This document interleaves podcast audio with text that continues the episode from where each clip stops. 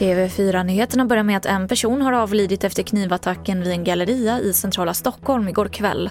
Enligt polisen så har flera personer setts lämna brottsplatsen och under natten så har man hört vittnen och gått igenom övervakningsfilmer.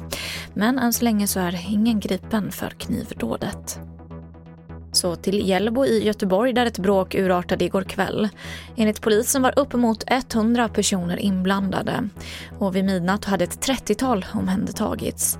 Händelsen utreds som våldsamt upplopp och polisen undersöker nu om det finns en koppling till en incident under eftermiddagen då en person misshandlades.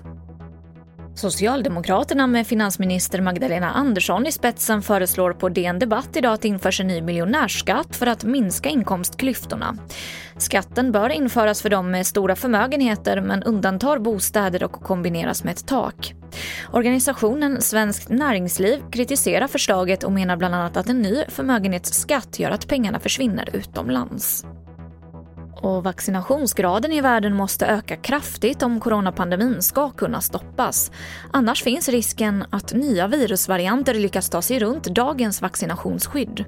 Det här säger virusforskaren Ali Mirazimi vid Karolinska institutet i Solna, rapporterar SVT om.